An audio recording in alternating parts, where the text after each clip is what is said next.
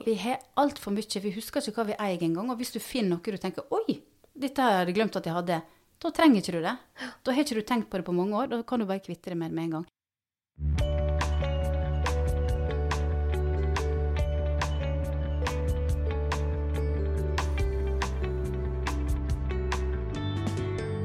Ja, i dag skal vi snakke om rydding. Og hvorfor, tenker du kanskje?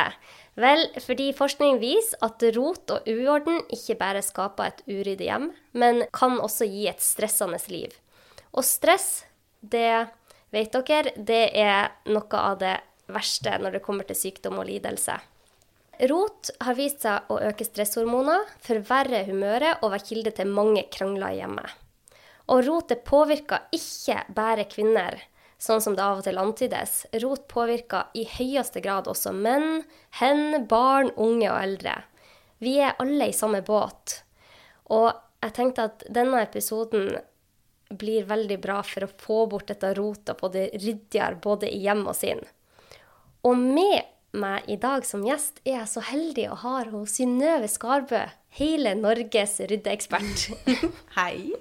Tusen takk for at du vil være med i Det podkasten. veldig stas å få være med, syns jeg. Ja, i Ja. dag så skal vi snakke om uh, rydding. Mm. Men jeg har jo litt, uh, lest Du har to bøker om rydding. Mm. Og i den første boka di så skriver du jo ganske personlig om uh, hvordan du kom inn i dette ryddemiljøet. Mm. Ja, eller at eh, rydde, en ryddemodus, i hvert fall. Ja, ryddemodus. For Ja. du har alltid rydda. Jeg har alltid vært glad i å rydde, eller jeg har alltid vært glad i å ha orden rundt meg, men jeg har aldri tenkt at jeg kunne bruke, no bruke det til noe annet enn at det var ryddig rundt meg, på en måte. Det var først eh, da jeg ble litt eldre at jeg fant ut at ja, men det, det- her, det er når jeg på, altså det påvirka psyken min veldig, hvordan jeg har det rundt meg. At jeg skjønte sammenhengen. Det, den så jeg ikke før det gikk noen år, ja. Ja. Mm. Eh, Men hva det var som gjorde at du fant ut at dette med rydding, det er faktisk så viktig at eh, man må skrive en bok om det? Det var litt, egentlig litt tilfeldig, men det som skjedde var at jeg, jeg var 40 år, eh, og mist, hadde fått min, mitt første barn. Ja. Eller jeg var faktisk 41, var jeg. Eh, og, eller mitt første og eneste barn. Og så tenkte jeg at det, det blir lykken på jord, for det hadde jeg hatt lyst på i mange år. Og så ble hun født, og så eh, fikk ikke den følelsen som jeg hadde sett for meg. Jeg ble rett og slett eh, ganske så svartsinna og deprimert, og fikk påvist fødselsdepresjon. Ja. Eh, og på toppen av det hele da, så mista jeg jobben min i TV Norge, som jeg hadde hatt i veldig mange år. Tolv år hadde jeg vært der, og så var det plutselig sånn Nei, beklager, vi har ikke plass til deg mer her på kanalen. Uff. Og da eh, bare toppa det seg helt for meg eh, innvendig. For da, da tenkte jeg sånn Herregud, hva skal jeg gjøre med livet mitt nå? Nå er jeg over 40 år. Hvor går veien videre nå? Og bare for å komme litt sånn i vater eh, for meg sjøl, så begynte jeg bare sånn, tenkte sånn at vet du hva, jeg må i hvert fall ha det ordentlig rundt meg nå når alt er så kaotisk innvendig. Ja. Så satte jeg i gang og rydde litt rundt meg hjemme. Begynte å sortere ut, luke vekk ting, kvitte meg med masse.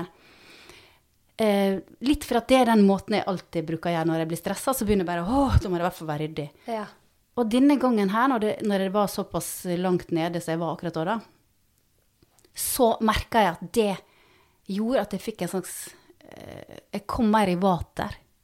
Det var liksom starten på et nytt liv. Og så balla det litt på seg sånn karrieremessig på grunn av akkurat det. Det gikk nå noen år, da. Så da begynte jeg å skrive ned her, disse tankene mine rundt rydding.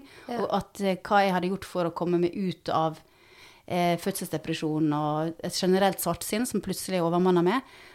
Og så merka jeg at det, det å ha det ryddig, det å eie få ting, det hadde en positiv effekt på psyken. ja. Så sånn starta det. Og så ble det TV-program, og så ble det en ny bok, og så ja. Ja, og det du sier, det kjenner jeg meg så igjen i. Fordi at hvis jeg er stressa i livet mitt, så er det ekstra viktig for meg å ha det ryddig rundt meg. Jeg tror at eh, vi eh, sånn psykologisk reagerer sterkere på rot rundt oss hvis vi har det stressende inni oss. Og hvis man tenker Jeg har tenkt mye på I denne podkasten snakker jeg mye om evolusjon. Og hvorfor vi er akkurat sånn som vi er. Og før i tida, våre gener hører jo til på savannen fremdeles. Våre gener tror at vi bor på savannen under eh, en åpen himmel. Og det var jo aldri sånn at man gikk ut i naturen og så sa man å, herre min, her var det rotete. Den steinen skulle ikke ha ligget der, og det treet skulle ikke stå der. i naturen så er det harmoni. Mm. Så det er i hvert fall ikke et stressmoment for oss. Nei, du slipper det, den ekstra belastninga det er å, å se at ting er kaotisk rundt det. Ja. ja. Og nå vet vi jo det. Det er for lite forskning på dette. eh, Men det er studier som viser at eh, de tok f.eks. i USA og fulgte noen eh, husholdninger da. Jeg tror det var 60 husholdninger. Og så fikk de skrive under på et spørreskjema hvordan de beskrev hjemmene sine. Og så luka de ut de som beskrev hjemmene sine som eh, rotete, hadde de ordene rundt sitt eget hjem. Og så hadde de òg de husholdningene som beskrev hjemmet sitt som harmonisk og ryddig.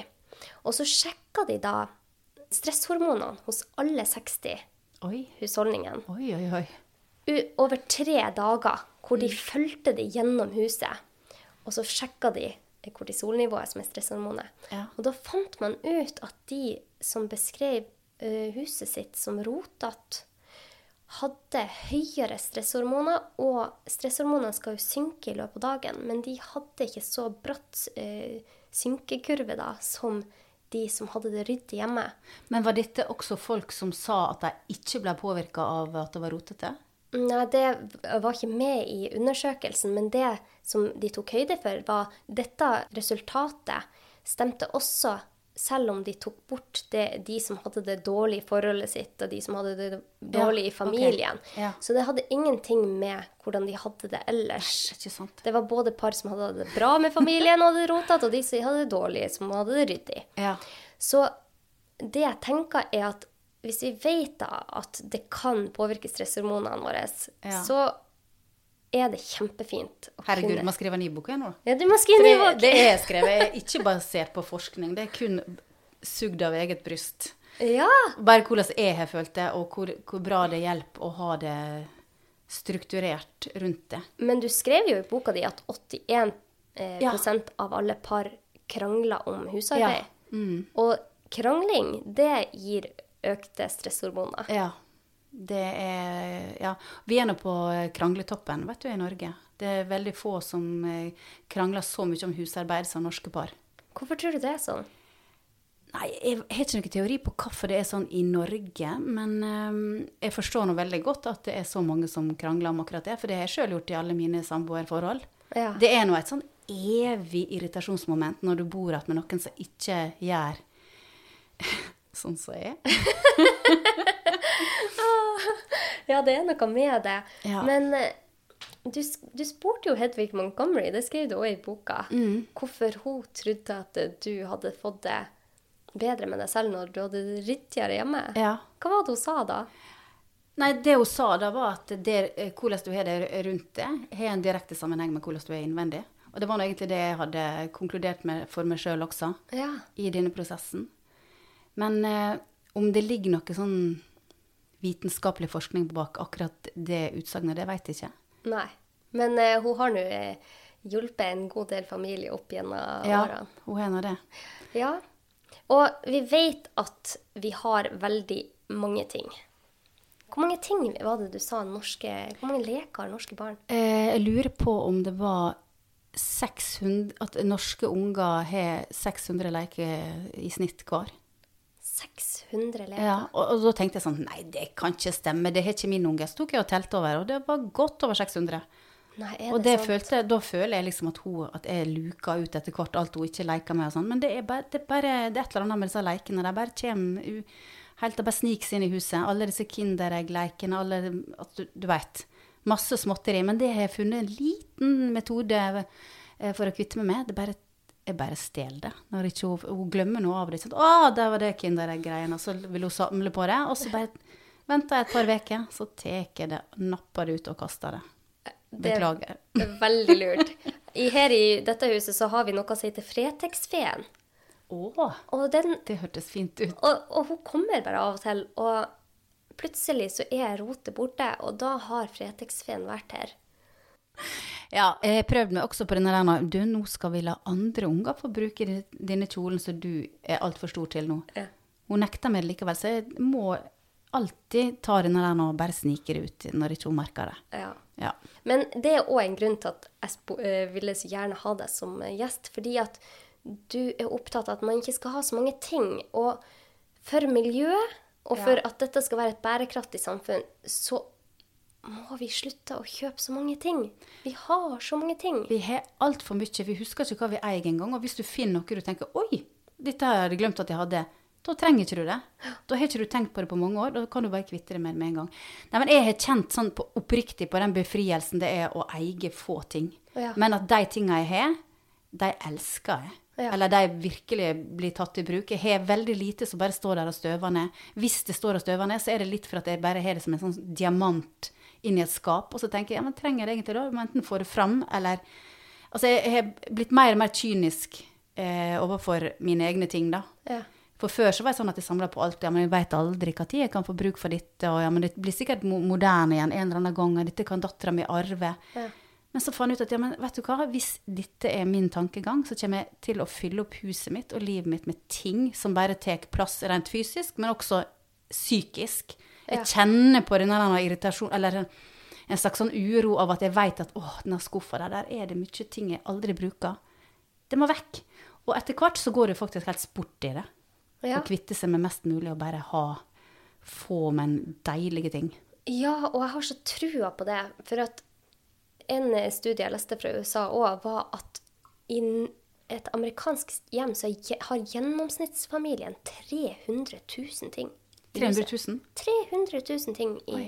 Ja, i men huset. Tenk deg sjøl, hvis du skulle begynt å telte over alle tingene dine, kanskje det er noe sånt uh, du er med og er? Ja, kanskje ikke jeg og du, for vi Kanskje er jo akkurat det. Kanskje ikke akkurat vi to, da. for vi, Men før, for Ja. fire år siden, når Ja. jeg virkelig begynte å rydde Hadde du det rotete før den tid? Nei, men jeg samla på ting. Jeg, hadde, jeg var veldig knytta til tingene mine. Mm. Og så ble jeg sykemeldt eh, i svangerskapet med min yngste. Altså det er tre år siden. Og jeg måtte være hjemme i tre måneder. Og jeg er ikke en person som takla det så godt å hjem- sitte hjemme alene. Men jeg hadde ikke mulighet til å jobbe. Og så begynte jeg å rydde. Ja, der ser du. Og det var, det var sikkert fordi jeg hadde så mye uro inni meg, men jeg Ja. gikk gjennom absolutt alle skap, alle skuffer, Ja. alle esker som var i boden. Alt. Samla alle ting som var likt i hauger, og så kvitta jeg meg med i hvert fall to tredjedeler. Og jeg kasta det ikke, for jeg gir de til andre som trenger det mer enn meg. Og nå har jeg siden da vært veldig nøye med hva jeg kjøper inn. Jeg kjøper ikke masse ekstra klær bare for at de er på tilbud eller for at det er billig. Jeg er nøye med at jeg skal ikke kjøpe mange ting å ha i huset, og det er ikke bra for miljøet heller. Så det har vært kjempedeilig for meg. Og så begynte jeg å lese boka di, og fikk mange gode tips. Og det har vært en stor befrielse i mitt liv, men også for min samboer. Selv om han ikke er så ryddig som meg, så syns han det er veldig deilig. Vi vet alltid hvor tingene i huset vårt er. Ja, det er en deilig følelse.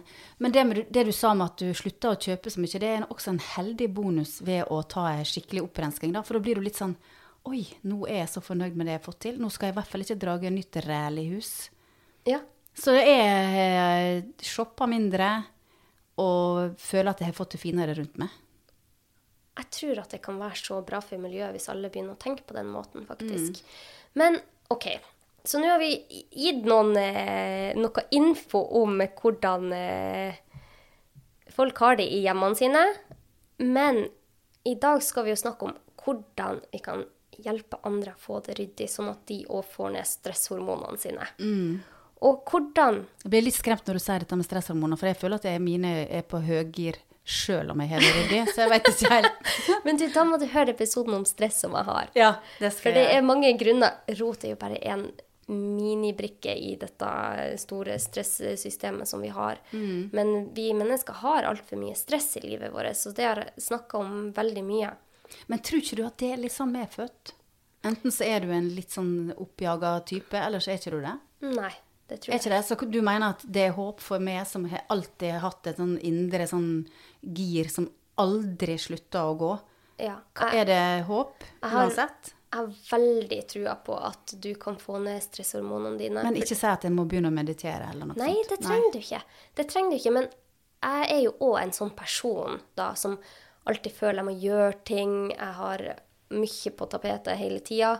Men etter at jeg tok tak i det og skjønte hvor skadelig det er for meg å gå rundt med kronisk lavgradig stress, som veldig mange i Norges befolkning eh, gjør, så har jeg fått det mye bedre. Det er mye lettere for meg å komme ned til hvilemodus.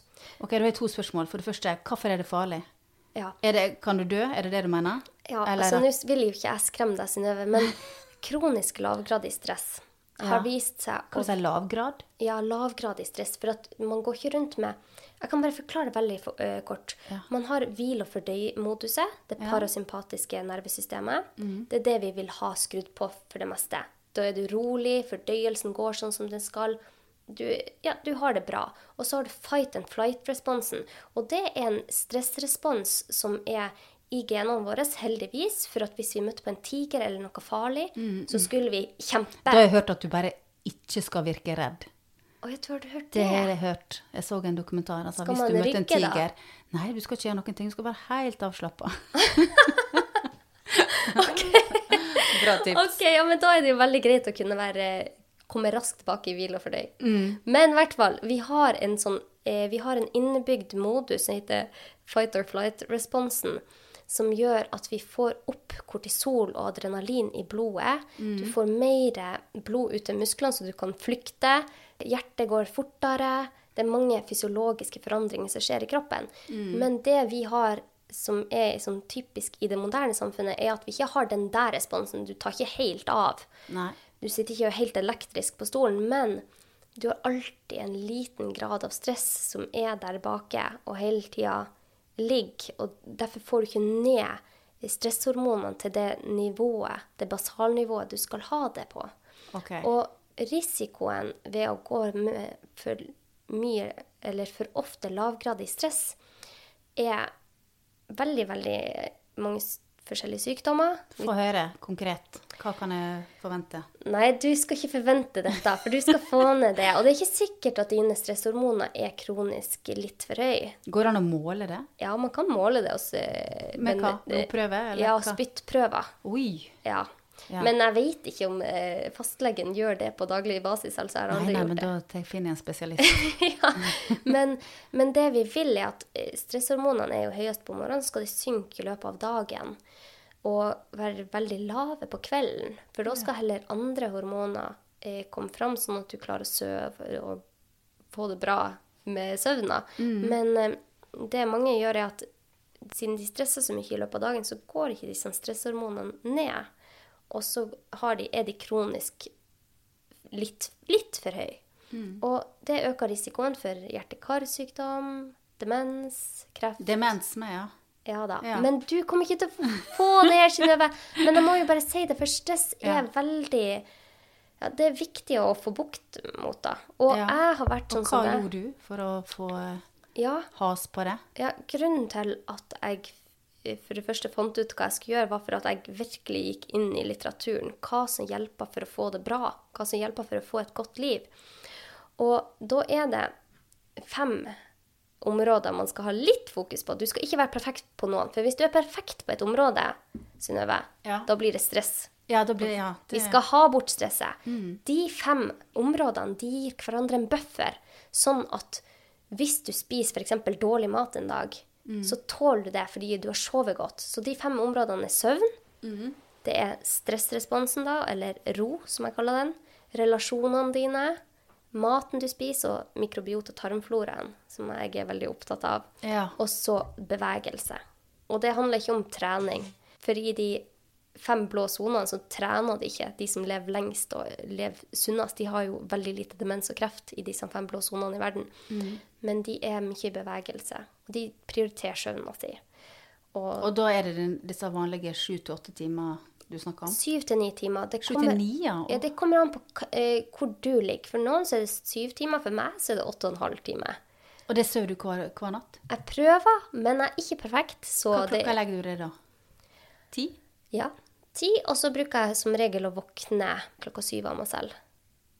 Men det må sies, da, for de som har barn i, hus og Ja. ikke får sove, det går fint å ha en periode på noen år der du ikke får sove bra.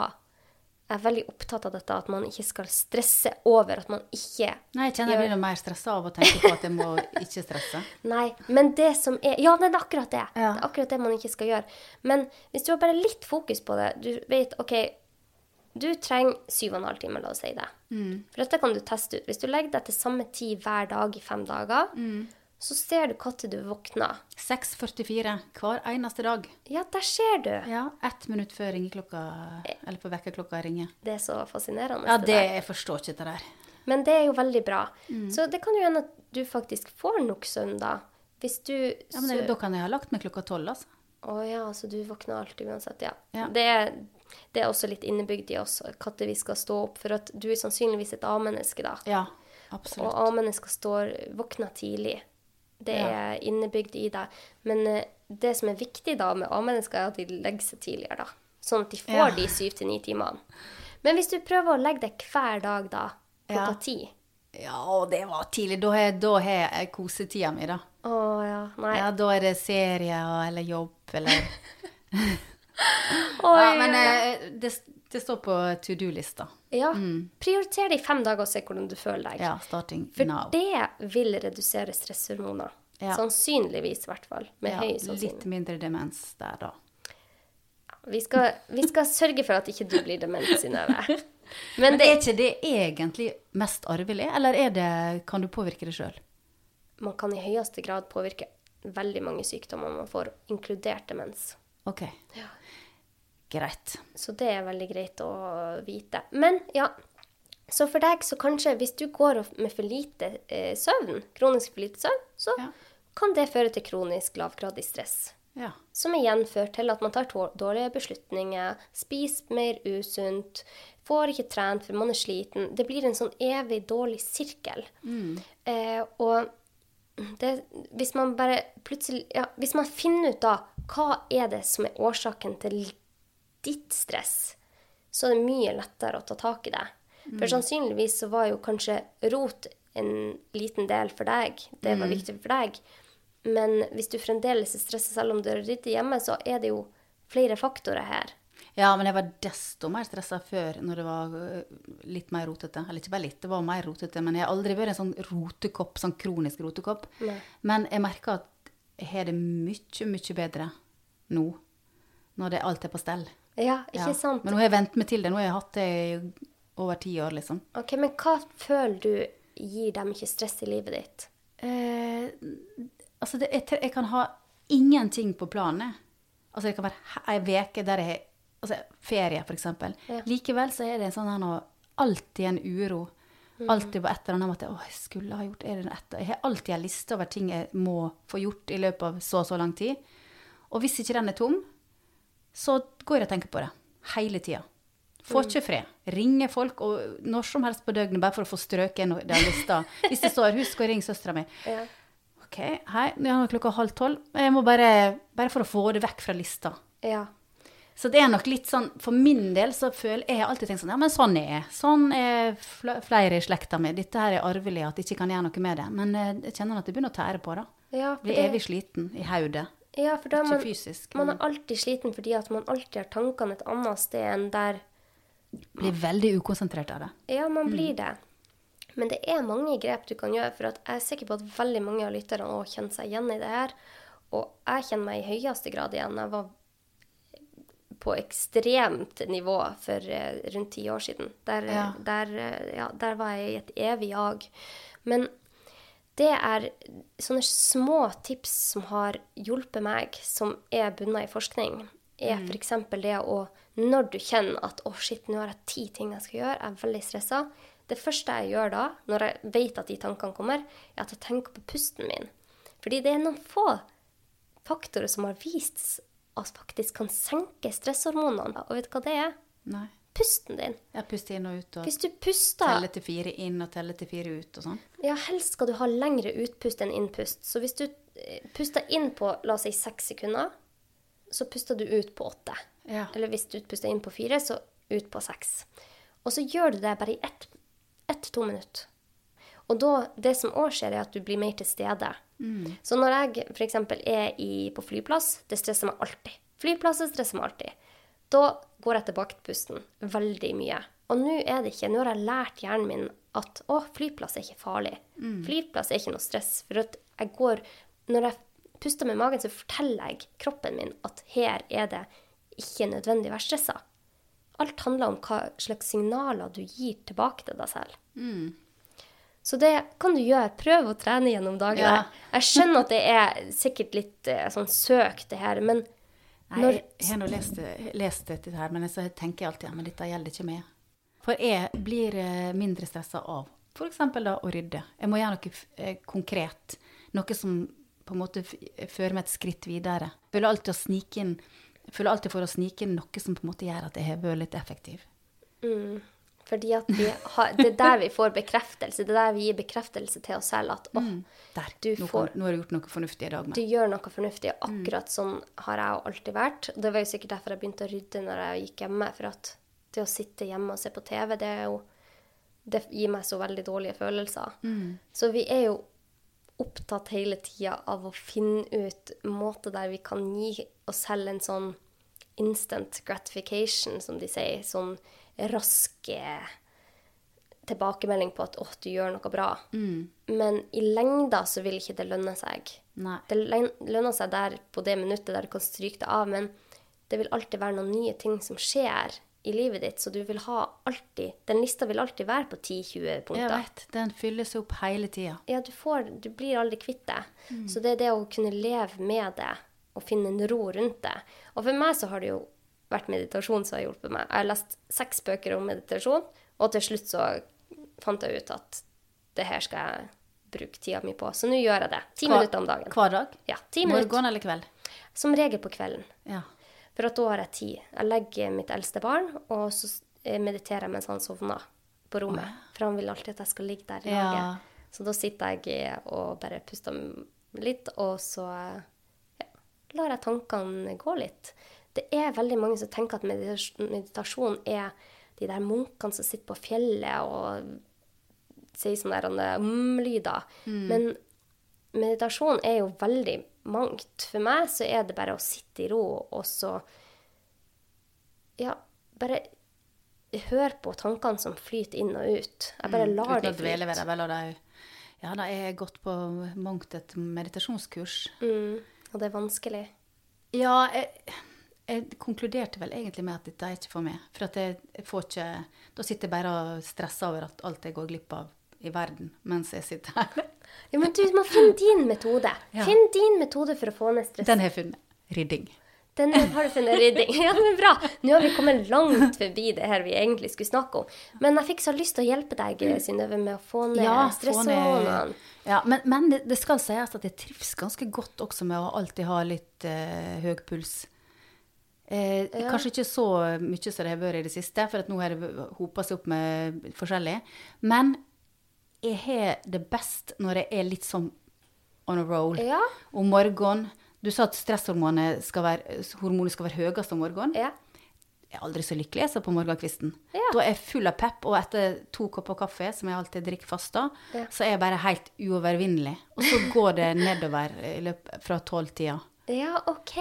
Men hvis du lever med å ha mange ting, og at du ikke syns det er belastende, så har studier vist at så lenge du ikke syns det er belastende, så kan det ha en stor buffer for stresset. De gjorde en studie der de spurte, jeg husker ikke hvor mange hundre eh, deltakere i USA, og spurte de hvor mye stress de hadde. Og så spurte de om de trodde at stress var, stresset var dårlig for dem. Og de som trodde at stresset var dårlig for dem, hadde mye høyere risiko for sykdommer og andre plager enn Ja. de som ikke trodde det var dårlig for seg. Okay. Så det kan òg gi deg en buffer, hvis du trives med det. Men hvis det blir sånn at det går utover nattesøvna di, eller at du hele tida føler at dette blir for mye for deg, du føler deg stressa, du føler at ikke du har det bra med det, da er det noe man kanskje bør ta tak i. Ja.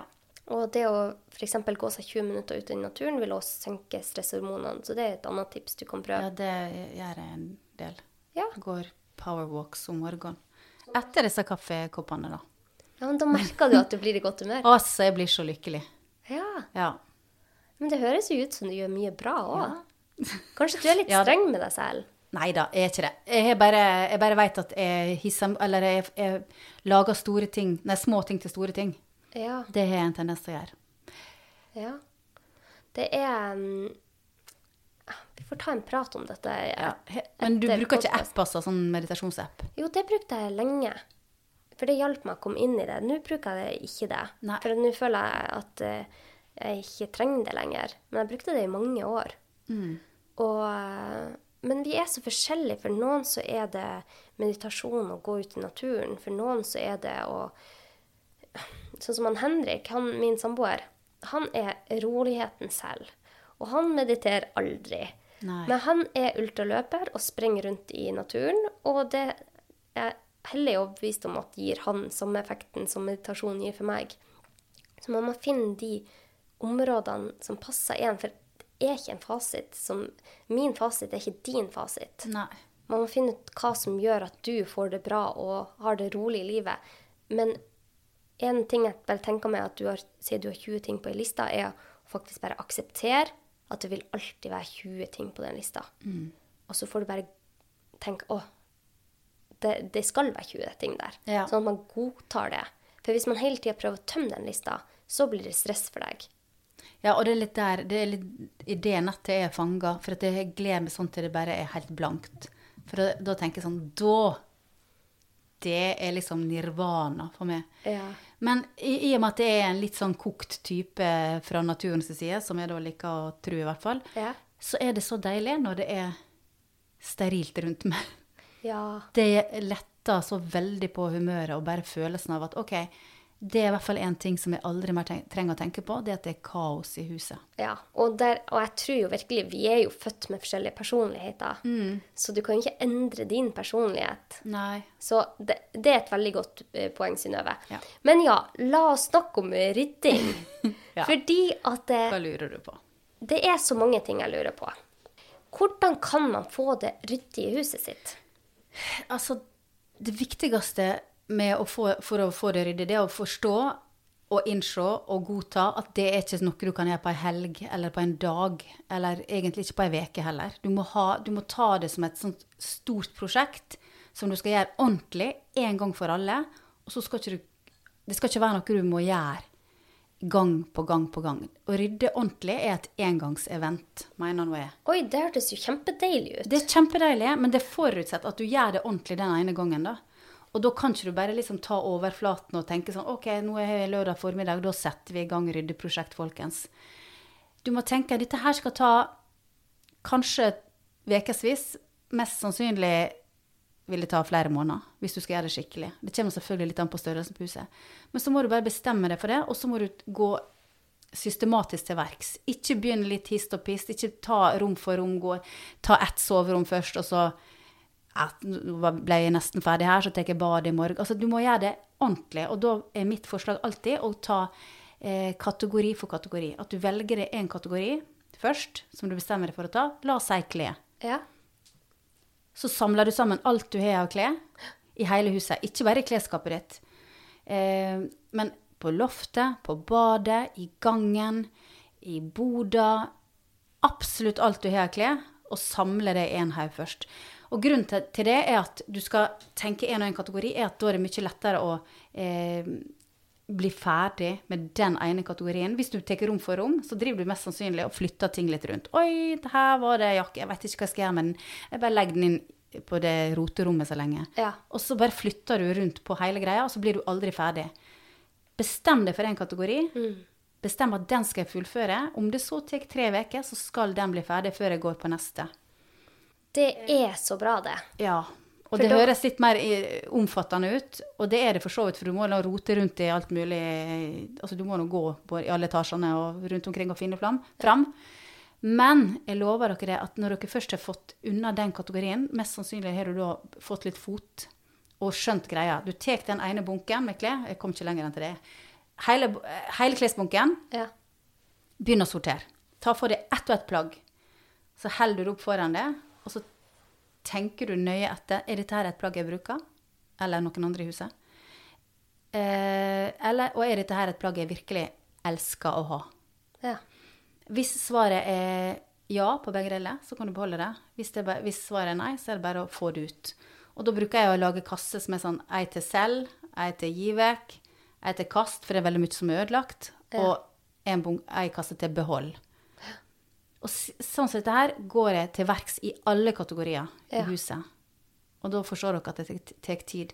Men en ting jeg vil si, er at det er ikke så lurt å begynne med den kategorien. Sånn som for meg var det veldig dumt. Jeg begynte med klær. Det var veldig dumt, for det er det jeg er mest knytta til. Jeg har så mange minner til alt jeg eier. Alt jeg har hatt på kroppen i løpet av livet. Så jeg tenker sånn Å, den minner meg om den festivalen jeg var på, eller Ja. Du vet. Og da klarte jeg ikke å kaste noe som helst i begynnelsen. Så du må begynne med en kategori der du ikke er så veldig nøye på om du må kvitte deg med noe. Noe du ikke har så mye følelser for, da. Eksempel ta alle penner og tusjer du har i huset. Ja, eksempel. Ja. Det, eller eh, verktøy. Eller kjøkkenutstyr. Eller et eller annet som, ikke, som ofte ikke er forbundet med så mye følelser. da. Ja. Må i hvert fall ikke begynne i fotoalbumet, liksom. Eller i gamle brev. Eller ting med affeksjonsverdi. Det må du bare vente med til slutt. Men det er kjempegode tips, fordi da får man oversikt over hva man faktisk har. Og da gikk det plutselig opp for meg at jeg hadde ti hvite singletter. Ja, Man ikke trenger ikke ti hvite singletter. Også det er noe man kjøper igjen og igjen. Ja, du tenker svart strømpebukse. her, ja, Det har jeg alltid bruk for. Ja. ja, det får du, men du trenger ikke 20 stykk. Nettopp. Og det vil gjøre at du vil faktisk bruke det du har. Jeg veit. Ja. Eh, og målet mitt når jeg satte i gang, det var at jeg skal ha det skal være igjen så lite at jeg veit 100 at dette her kommer til å ha på meg. Ditt, eller dette kommer til å bruke. Og at det i tillegg at ikke du har liksom ti slikkepotter, at du ikke har dobbelt opp eller trippelt opp av alt mulig. Du har ting som er i bruk, eller som gir deg sånn genuin glede av å se at du har i skapet, om ikke annet. Mm. ja.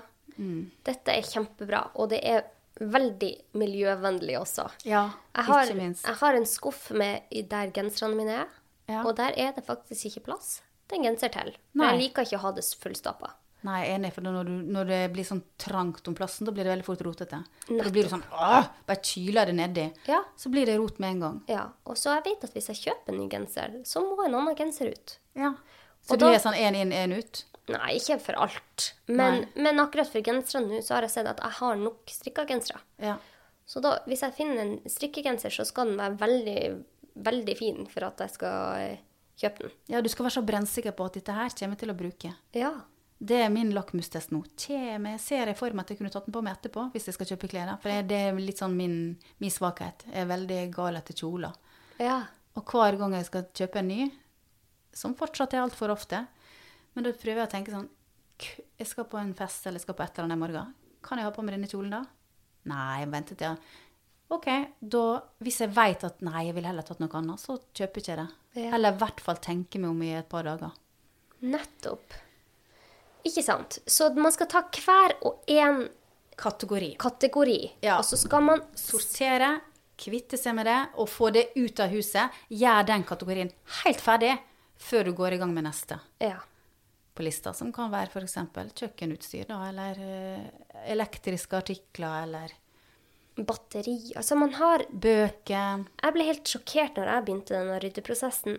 var at Jeg så at sant, batteri lå der, og noen batteri lå der. Jeg hadde tusje der. Jeg hadde teip. Jeg hadde så mange teipruller rundt omkring i huset. Ja, som ikke ligger samla. Så tror du at du ikke eier det. Ja, og så kjøper man nye hele tida, for man, vet, man har ikke oversikt over hva man har. Nei, det er akkurat det. Så det aller viktigste egentlig når du skal rydde ordentlig, det er å kvitte seg først av alt, å kvitte seg med mest mulig. Ja. Slik at du har en håndterlig mengde med ting som igjen skal plasseres praktisk, og helst i nærheten av hverandre. Det som er i samme kategori. da. At ikke du sprer det, sånn som du sier, at det ligger teip både litt på, i gangen, og noen ligger i stua, og så ligger det noe på barnerommet. Få alt samla. Ja. Ok, så det var første eh, råd. Begynn kategori for kategori. Ja. Hva er neste steg i ryddeprosessen? Når du da har kvitta deg med mest mulig, så gjelder det å finne en fast plass til absolutt alt. Eh, ikke la noen ting være plassert litt sånn på slump. Ja, det bare legger jeg her. Prøv å tenke nøye gjennom hva er det jeg bruker dette her. Hva er det disse bindersene skal være i bruk? Hva er det det dokosten, hva er det mest praktiske at den skal stå? Tenk nøye gjennom, slik at det ikke blir vanskelig for deg. slik at Hvis det er vanskelig å hente fram noe, så blir det, er det mindre sannsynlig at du setter på plass. Og det er veldig, veldig, veldig veldig, veldig viktig at du har denne faste plassen til alt. Og Ja. at det skal tilbake på plassen sin når det ikke er bruk. Ja. Og da må det være i nærheten av der du bruker det. Det må være lett å få tak i det. Det kan ikke være slik at du må grafse det fram eh, inn i et skap for å finne noe som er bak der. Finn den naturlige og fast, praktiske faste plassen til absolutt alt. Så dere forstår at dette her tar tid. Men jeg lover dere at gevinsten er altså så deilig når alt er gjort. Og man sparer jo veldig mye tid i etterkant. Masse tid, for du slipper å bruke livet ditt på å leite etter ting. Ja. Og det er egentlig hovedgrunnen til at jeg elsker å ha det ryddig. Det er at jeg slipper å tenke på rydding. Jeg slipper å tenke på å rydde. Jeg har aldri det på lista mi. Husk å rydde på en lørdag. Jeg vet at det er gjort. Jeg er ferdig med det for resten av livet. Ja. Jeg må selvfølgelig ta overflateryddinga, sånn som alle må. Og jeg tar eh, vann, så tar jeg en ny sånn utrenskningssjau. For det er kommet et eller annet hus som jeg ikke bruker lenger, eller at jeg har ombestemt meg siden i fjor. Men i det daglige så bruker jeg maks ti minutter på å rydde. Og det er sånn, du vet, av kjøkkenbordet, Ja. etter at jeg lager mat, rydde litt uh, håndkle vekk fra bar. Altså sånne vanlige hverdagsord. For det forsvinner ikke av seg sjøl. Så du vil få mer tid. Mye mer tid. Du får frigitt eh, et nytt liv. Oi, dette høres jo faktisk veldig bra ut. Og jeg har jo selv erfart det, å ha tingene på rett sted. Nå sklir det litt ut med barn, og jeg er ikke perfekt på dette området heller. Prøver ikke å være perfekt på noen områder. Men jeg har spart veldig mye tid på å ikke liksom måtte lete etter ja, det kan være alt mulig. Utetøy. ikke sant? Ja. Den sekken du ikke har brukt på tre Ja. år. Så var det skisesong. Hva var det vi satte skiskoene nå igjen? ja, Ja. og det er så Ja, det er tidsbesparende, og det skaper lite stress. Og så tror jeg at man har det bedre i familien når man slipper å kjefte på hverandre fordi at ikke det er ryddig, eller at ikke det er de klarer å finne tingene sine. Det blir mye mindre kjekling, og det blir mye mer tid til å bruke tinga Mm. enn å drive og lete etter dem. Ja. Så det det er ikke alle som blir påvirka, sånn som jeg og du blir, sånn rent psykisk av at det er ryddig rundt seg. Det er veldig mange som sier til meg men jeg er ikke så nøye på om det er rotete eller ryddig. Nei, veldig bra. Jeg kan misunne folk som ikke blir påvirka av det. Men det er ja, uansett udiskutabelt mye mer praktisk å ha det noenlunde ryddig rundt det. For da slipper du, som sagt, å kaste vekk tid på leiting etter bilnøkler eller hva det nå er. Ja, og det er jo sånn, vi er, vi er jo ikke skapt helt like. Noen, noen syns jo ikke det er stress for kroppen Nei. å ha så mye rot, så det er jo ikke sånn at alle har det sånn. Men når det er sagt, hvis du bor sammen med noen som har, har det sånn at de får økte stresshormoner av rot, så vil det skape så mye sånn gnisning mellom dere. Og jeg tror at det vil hjelpe veldig på forholdet, faktisk, hvis man slipper å krangle om husarbeidet. Ja. 81 krangler om husarbeidet. ja. Det er ganske mange prosent. Det er veldig mange som gjør det. Eh, en løsning på det, det jeg har gjort i mine forhold, er at eh, for først har det gått en lang periode med litt sånn ja, men nå er det din tur. Du vet den tonen der. Ja.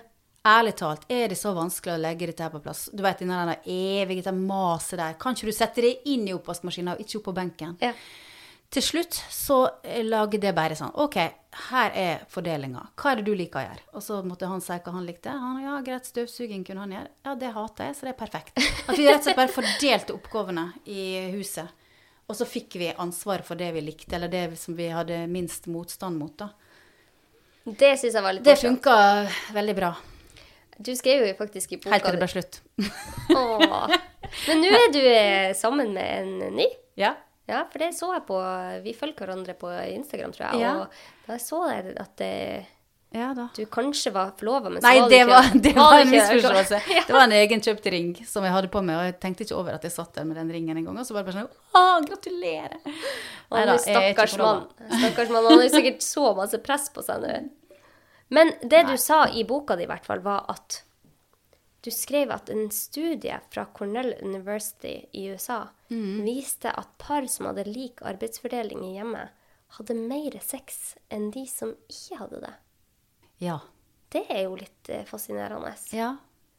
Og det er jo viktig i et parforhold, og det skal jeg faktisk ha en eh, parterapeut inn her om noen uker for Oi, å snakke om. Jeg heter Eva Tryti. OK. Veldig dyktig parterapeut. Ja. Og da skal vi snakke om blant annet det. For det er Ja. jo viktig i et parforhold. Og det du skrev, syns jeg var så fint. Sex eller rydding? Begge deler. Ja, men det er noe, jeg forstår, den eh, studien er noe eh, Altså, det sier nå seg sjøl at hvis du krangler mye, så blir nå det mindre hygge også. Nettopp. Enten det, om rydding, enten det er krangling om rydding, eller hva det nå er. Men jeg elsker statistikk. Jeg blir så Ja. glad av statistikk. Så, men du hadde jo òg spurt en parterapeut, eh, Katrin Sagen, Mm. om eh, hvorfor påvirka det oss så mye, og er det egentlig ikke bare en filleting? Ja. Og da svarte jo hun så godt at nei, det er jo ikke en filleting, for Nei. det går jo utover følelsen din hele dagen. Ja, og så hvis du gang på gang eh, prøver å si til kjæresten din, da, at, eller partneren din, at vet du hva, det plager meg at du ikke gjør det og det og det og det. Og vedkommende bare At det preller av. For da tenker jeg sånn Ja, men det, herregud, det er, bare, det, det er ikke noe viktig. Det er bare Du bare klager over at det er rest, matrester i kummen. Det, det er på, Det blir etter hvert så bygger det seg opp til irritasjon, aggresjon, og til slutt så kan det bli slik at du bare kjente sånn Nei, vet du hva, dette orker ikke mer. Og det, da er det helt uvesentlig om det er om det er en filleting for den andre. For for det så det bare, virker det bare som mangel på respekt for Ja. noe som er viktig for det. Ja, nettopp. Og Mm. når det blir, går helt til det følelsen om at det er mangel på respekt, Ja, da da kan det føre til brudd, da. Ja, men det kan føre til alvorlige krangler, i hvert fall, og det er ikke bra. Mm. Men hvordan, hvis man er i et forhold, da, eller har barn som er stor nok til å forstå det, hvordan motiverer man de rundt seg til å ha det ryddig rundt seg? La oss si at man har tatt den sjøen i lag, Mm. alt har sin faste plass, men så eh, gidder de ikke å sette inn i oppvaskmaskinen etter seg, lar det stå over til neste morgen, sånne småting. Hvordan motiverer man hverandre, sånn at det blir enkelt å bare gjøre det? Alle er fornøyd med Ja, det. det For det første, når du har unger, så er det litt vanskelig å få med hele gjengen på ditt prosjekt, med mindre de er du på en måte involverer dem i det fra begynnelsen av. Sånn som du sier, å ha dem med på denne store ryddesjaua, at vi lager det som en slags leik. Nå snakker jeg om de små, altså, ikke for mannen din.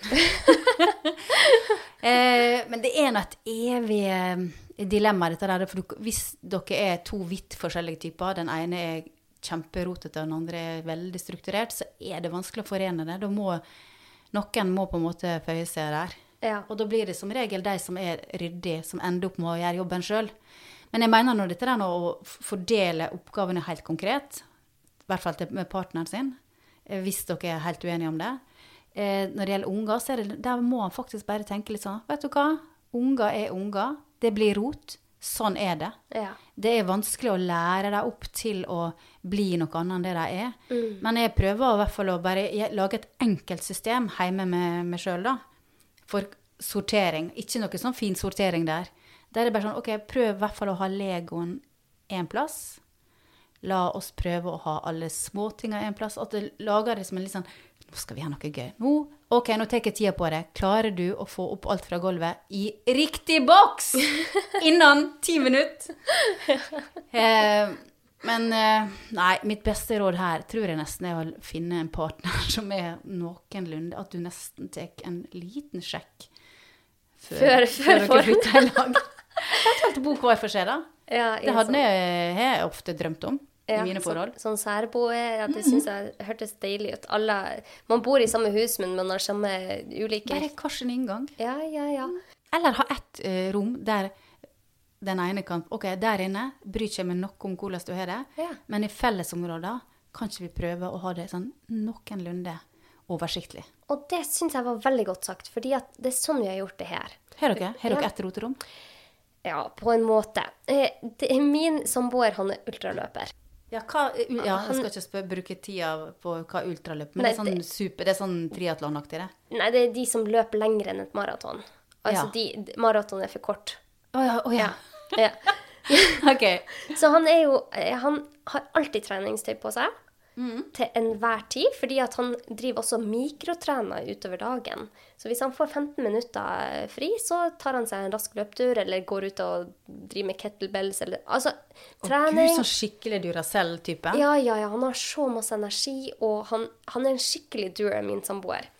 Men ja, Så det må jeg faktisk Jeg må gi han litt skryt før jeg skal gi Ja, han litt, før, litt du må kose han, stryke han med ene hånda nå før du skal daske han med den andre. Men han, han, han får til mye i livet sitt, Ja. og han liker jo å ha det noenlunde ryddig, men jeg tror nå at jeg har Hellige et lite men. Jeg tror nok vi har litt forskjell på hva vi syns er ryddig. Ja. Så det er rett og slett bare Vi har gjort et kompromiss. Han har alltid masse treningstøy som er sånn halvveis brukt, fordi han bare har drevet med litt kettlebells i 15 minutter, han har ikke svetta det ut og vil ikke vaske det da. Så han har en lang knaggrekke på badet nede, der hans tøy henger. Hans Treningsklær? treningsklær og vanlige klær. Så han har bare tatt over det badet. Jeg er aldri der inne. Det som er litt synd, er at det er gjestebadet òg, så jeg prøver å få alle gjestene til å gå opp i andre etasje. Men da har han sine ting der, og jeg har bare funnet ut at okay, det må han bare få lov Ja. til. Og det har gitt fred for både meg og han, og vi er begge fornøyd med det. Ja. Og så prøver jeg Jeg er ikke så god alltid på det, men jeg prøver hele tida å tenke at når det er rotete på kjøkkenet, så tenker jeg på ok, han er ikke så ryddig på kjøkkenet, men han er kjemperyddig ute på uteplassen. Der vil han ha bort alle sykler, og der vil han ha det ryddig. Så vi er gode på hver sine ting. Og det tror jeg kanskje mange kan kjenne igjen, seg igjen i, at de liker å ha det ryddig på kjøkkenet eller på badet, men at samboeren kanskje er god på å hente barna i barnehagen. ja.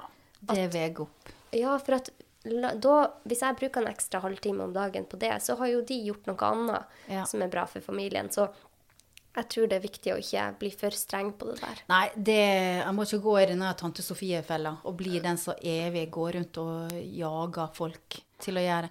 Men jeg, jeg tror det, det med eget bad eller eget rom eller egen knaggrekke, Ja.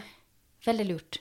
Vær så god, rot så mye du vil, men stua holder du unna. Ja. Eller kjøkkenet, eller ja. Og der kan vi være enige. Ja. Og det er faktisk sånn at én av syv familier i USA har et eget roterom. Altså et helt rom de ikke kan bruke fordi det er så mye rot der. ja, det har jeg sett på Extreme Hoarders.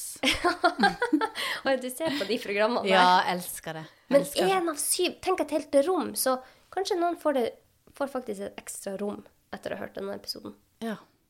I min gamle leilighet, når jeg studerte i Oslo, eller her i Oslo, da hadde jeg et eget rom som bare som, Jeg hadde egentlig to soverom, og så ble det ene til et roterom.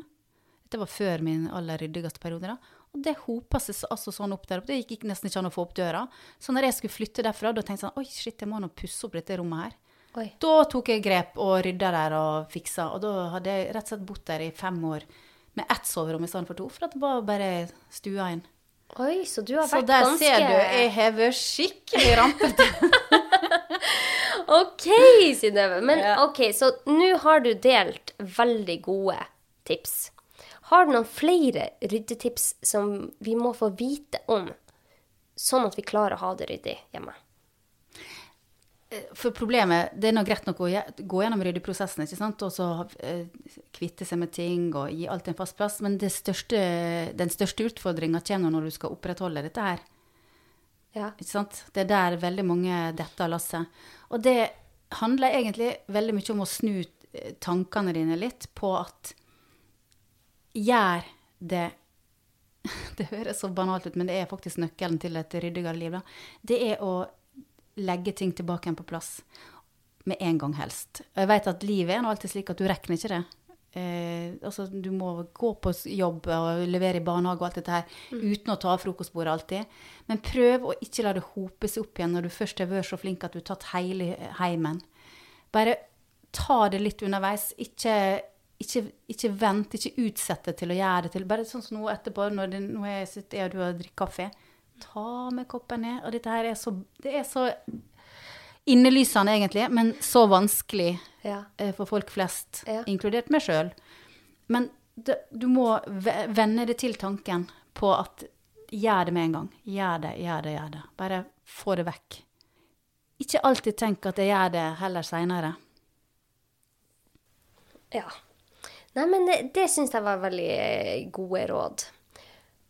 Er det noe vi har glemt nå, Synnøve? Nei, er det noe, vil, tenker du litt sånn konkrete ting, eller? Ja, har du noen sånne råd som er For du har jo sikkert venninner som ikke er så ryddig. Massevis. Ja. Og jeg merker i hvert fall med meg selv at når jeg kommer i de hjemmene, så er jeg jo så glad i de, men så får jeg så lyst til å rydde litt for dem. For jeg, for jeg tenker at de får òg det bedre når de har det ryddig. Men det er jo ikke sånn det er. Det, man kan jo ha et helt fint og godt liv selv om man har det litt rotete. Ja, og folk flest har når det er rotete, i hvert fall én plass. Altså, eksempel i Boda, det er ikke så mange som har oversikt der. Nei. Eh, nei, én ting jeg bruker å tenke på hjemme med meg sjøl med, at av og til så er det Du vet at du har hatt en gjenstand i årevis, år ut, år inn, uten egentlig å tenke over om Hvorfor har den? den er, du er bare så vant til å se den at ikke du tenker over at den er kanskje overflødig i eh, heimen din. Og så det å, det å kanskje åpne opp øynene litt for at OK, meg, hva er det jeg har? Hvorfor har jeg denne pynteputa der som bare er, er legger der sånn fast av gammel vane? At du ikke er helt bevisst på alt du har rundt deg, da. Eh, men hvis du bestemmer deg for OK, nå skal jeg se alt klart, klokkeklart, med edru, klinkende store øyne. Er det Altså for eksempel vann, jeg Nå sitter jeg her med en sånn vannflaske. Jeg har en skuff der jeg hadde kanskje ja, 15 sånne drikkeflasker. Ja. Jeg tenkte sånn Jeg bruker den samme hele tida.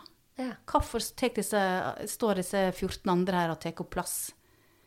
Kan, du, vet, du, bare, du, du er så vant til å se ting at du tenker ikke over det. Så gikk jeg gjennom skuff for skuff for skuff en gang til. OK, bruker ikke det, bruker ikke det, bruker ikke det. bruker ikke det. Få det vekk. Gi det vekk. Leverer på loppemarked, selg på Finn. ja. Gi det til vekk. venner. Så det Gi det vekk, ja. Men, eh, og et nytt eh, Har du solgt noe på Finn i det siste? eh, Ja, jeg bruker å Ja, jeg Jeg syns det går litt tregere der nå i det siste. Syns du det? Ja, Plutselig så får jeg ikke solgt alt jeg vil. Oh, ja. Så da har jeg funnet verdens beste måte å kvitte seg med ting på. Legge ut på gi bort. Ja. Da kommer det noen på fem minutter. Ja, jeg vet det. Det er så fantastisk. Det er så deilig. Da slipper du å kjøre til gjenbruksstasjonen, og så vet du at noen får glede av det. Og... Ja, jeg liker det så godt. Mm. Og så har vi en sånn for dette tunet, da, for alle som bor her, en Facebook-gruppe.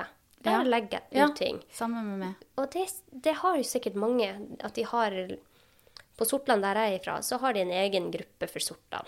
Ja. 10 000 Vi som bor på Sortland og vil kvitte oss med ting. Ja, så det er bare legg ting ut der folk Det er jo nyttig for andre. Det er ikke sånn at vi skal begynne å kaste masse brukende ting. Nei, det får jeg helt uh, vondt i hjertet av å gjøre. Ja, nettopp. Det skal vi ikke gjøre.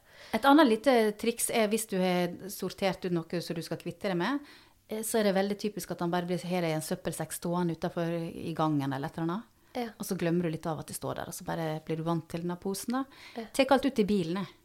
Ja. For den er så Da blir den stappfull, og da blir jeg påminnet med en gang hver gang jeg setter meg Å ja, søren, det var disse posene som skulle til Fretex, ja. Ja, da Ja. tar jeg det på veien.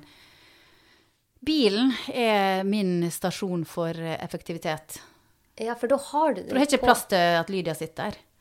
Nei, nettopp. Så da må jeg ta affære tvert. Det var et veldig godt tips. Mm. Ikke sett det i garasjen, for da blir det stående. Jeg vet det. Da blir det stående eller i boden. Da blir det aldri I hvert fall ikke Boda. Da, det, men da, Da ser du det aldri igjen. Da ser man det Da aldri igjen. Ja. Og så ta en liten sjau en gang i året i boden.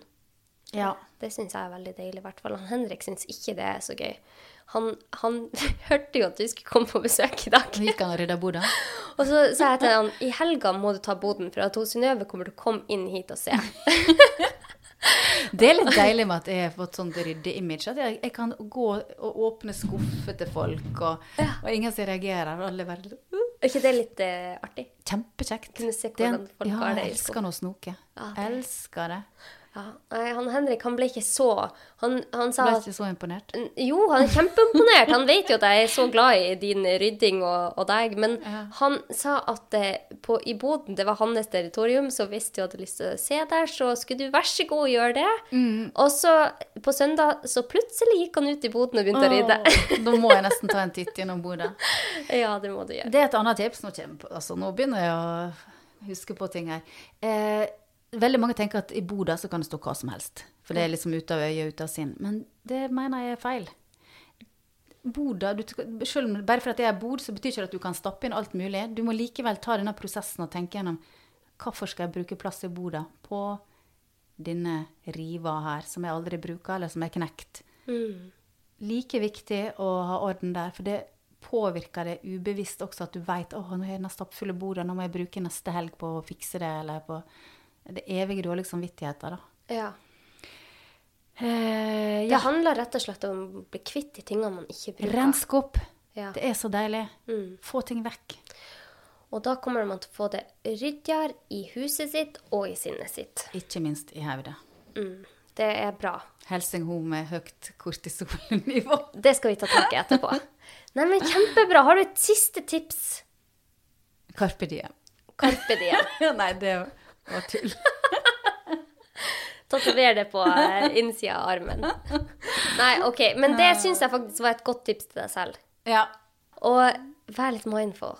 Bare vær litt obs på hva du gjør i løpet av dagen, sin. Det ja. OK, jeg skal så sette det på mange to studier. mi. Altså, jeg gjør ingenting som jeg ikke har sett at faktisk studier viser er effektivt. Men det er okay. en av de mest effektive metodene for å få ned stresshormonene. Ja. Ja.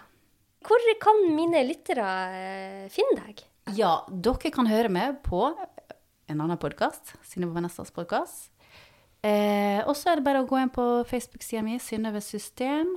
Der deler jeg ryddetips, og eh, dere kan sende inn spørsmål. Og, ja. så er Instagram, da. Synnøve Skarbø. Bra. Og så har du to bøker. Synnøve System. Ja, og Synnøve System, slik rydder jeg meg lykkelig. Det heter nummer én. Og så, vet du hva? Vet du hva jeg vil benytte anledninga til? Ja. Jeg skrev en tredje bok, Nei. som har med meg her. Men det er ikke ryddebok, det er Vanessa.